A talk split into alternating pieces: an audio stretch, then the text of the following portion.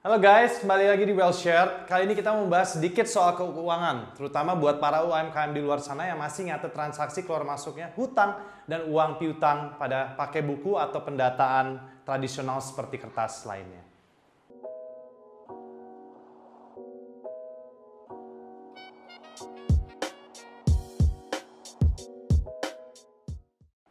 Oke guys, sebagai pelaku bisnis kecil maupun menengah, pernah nggak sih kalian mengalami kesulitan dalam melakukan pencatatan keuangan, terutama kalau dibutuhkan skill akuntansi?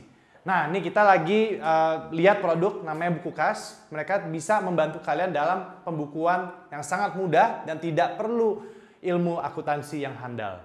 Nah, sekarang gue undang nih CEO-nya dari Buku Kas, Krishnan M. Menon.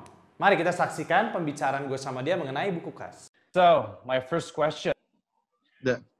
you know, out of all the the products that you can do, why why you build Bukukas? Because multiple uh, similar Yeah. application that helps people uh, document their- financial entry, right? So Yeah. wh- why start Bukukas? It, it goes with obviously my own background where, uh, see, first of all, I'm working while at Lazada or at Fabelio. I'm, I'm always working with a lot of small merchants, right? Like, like they can be marketplace sellers.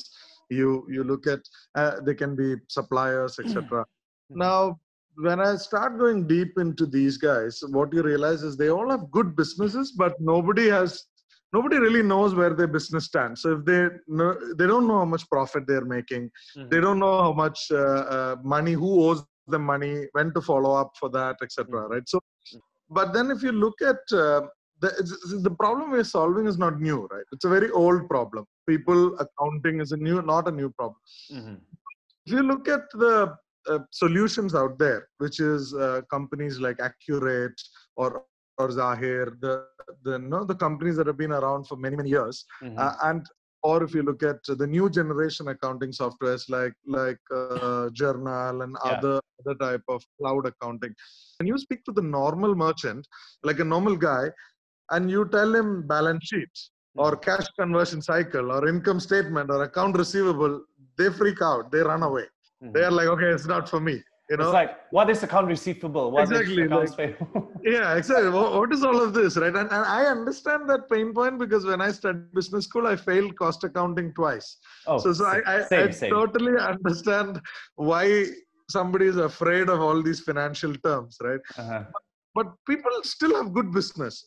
How? Because they understand the basic, which is if money comes in, I become richer.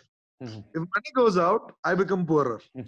Okay, so the idea of Buku Bukukas is to democratize Yes. accounting Yes, for exactly. for for sellers or entrepreneurs or business people who don't actually have let's say accounting basics or accounting degrees right Yeah, okay yeah. so that's on the macro side right you know when we think like having all this data from all these small uh, merchants and sellers Yeah. will be good for to to gather data and analyze the economy performance of indonesia for example right Yeah. but you know if we talk with these people they don't really understood about how the macro looks like right but for them as a, as as the as the small businesses Yeah. what what do you think it how it will benefit them to let's say uh, to digitize all their financials or maybe make sure they have proper financial statements and everything Yeah. What, what, what's your take So honestly, we don't build this tool with the idea that somebody should be able to build a balance sheet. Like that, Nah. that approach is not what we take. What we take is so somebody should always know their profits at any time. So it's much more a real-time thing than building a calcul, uh, building an analytics tool. It's Mhm. more like somebody should always know where their business stands, how much Mm. their profit is, who owes them money, right? So that they can remind them or automatically remind them Mhm. uh, what are their top sellers, so that they can buy more of those products, Mhm. right? Like uh, so. So we our idea is we obviously fundamentally believe software is more efficient and more more helpful than uh, physical pen and paper and book. So I think Bukukas is a very promising company. I'm just curious, like, how is it right now? You know, like how many users, how many merchants, how many transactions going on there? Okay, so um, uh, in terms of first question, right, the transaction and and things. So we started first of December So so today uh, that's almost 10 months. Today we have over 1.3 million merchants, 10 billion dollars a month. So that's yeah, starting to be almost one percent of the GDP, right? Like like it's it's it's becoming a very significant tool very fast, Mhm. uh, and uh, almost uh, uh, 10 million transactions, 10 no 12 million transactions a month Mhm. in the platform. So so it's scaled up really fast. People are using it a lot. Oke guys, jadi jangan lupa digitalisasi pembukuan keuangan perusahaan kalian agar mempermudah ke depannya. Jangan lupa download buku kas, ada di aplikasi uh, Google Play Store. Langsung aja dicoba and komen ya, tell us what you think about buku kas.